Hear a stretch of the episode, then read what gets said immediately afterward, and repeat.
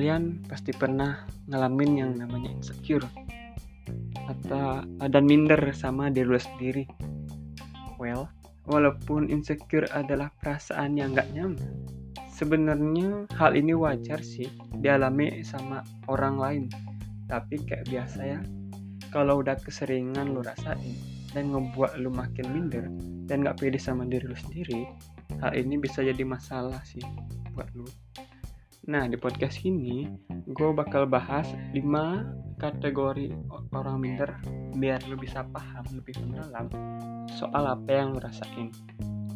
Simak podcast ini ya. Perasaan insecure atau minder itu perasaan yang kompleks. Biasanya ngelibatin perasaan cemas, gak percaya diri, dan selalu merasa ada yang kurang pada dirinya sendiri. Selain itu, insecure juga biasanya ngelibatin kondisi yang nggak pasti.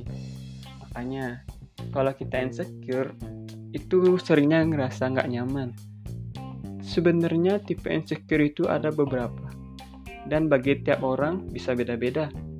Tapi di, di podcast ini gue mau kasih 5 tipe yang biasanya bakal dialami seseorang selama mereka hidup. Yang pertama, insecure soal finansial Tipe ini berbentuk banyak, bisa adanya uang atau enggak buat menjamin kehidupan mereka. Terus juga insecure finansial ini gimana perasaan lu terhadap angka-angka yang banyak orang menganggap kalau jumlah uang yang mereka punya itu juga berhubungan sama berharga atau enggaknya mereka. Belum lagi kalau kebiasaan ngebandingin uang uang yang dia punya dengan orang lain. Padahal ya bisa aja orang punya definisi yang berbeda-beda buat kata keuangan yang cukup. Kedua, insecure soal pekerjaan.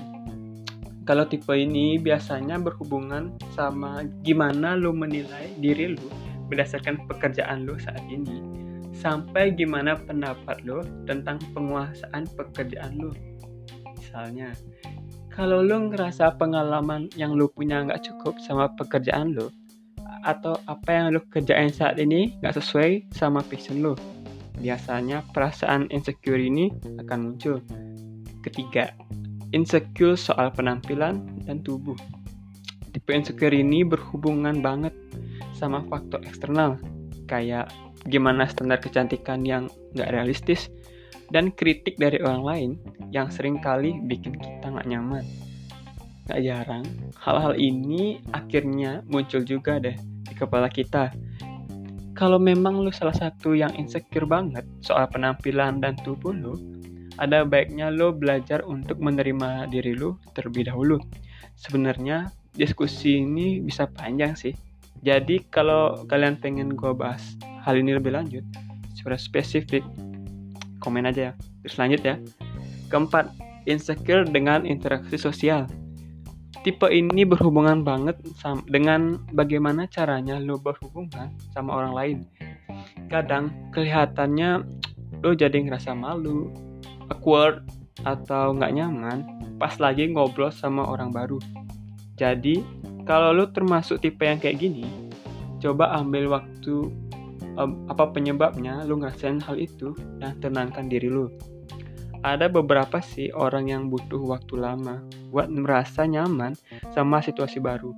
Jadi pelan-pelan aja ya. Dan yang terakhir, insecure dengan sisi emosionalnya. Tipe ini yang biasanya jadi gambaran orang instruktur insecure pada umumnya.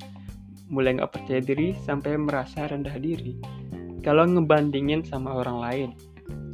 Mereka ngerasa kalau orang lain tuh jauh lebih tinggi daripada mereka. Nah, walaupun kelima tipe ini kelihatannya beda satu sama lain, seringnya mereka tuh berhubungan satu sama lain.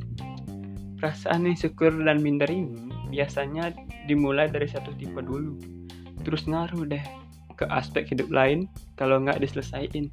Misalnya, lo insecure dengan penampilan tubuh lo. Biasanya kalau nggak diselesaikan, bakal ngaruh juga ke insecure dihubungkan sama orang lain. Karena lu nggak nyaman sama penampilan tubuh lu, lu ngerasa nggak nyaman juga deh buat berinteraksi sama orang lain selama penampilan tubuh lu masih sama kayak sekarang.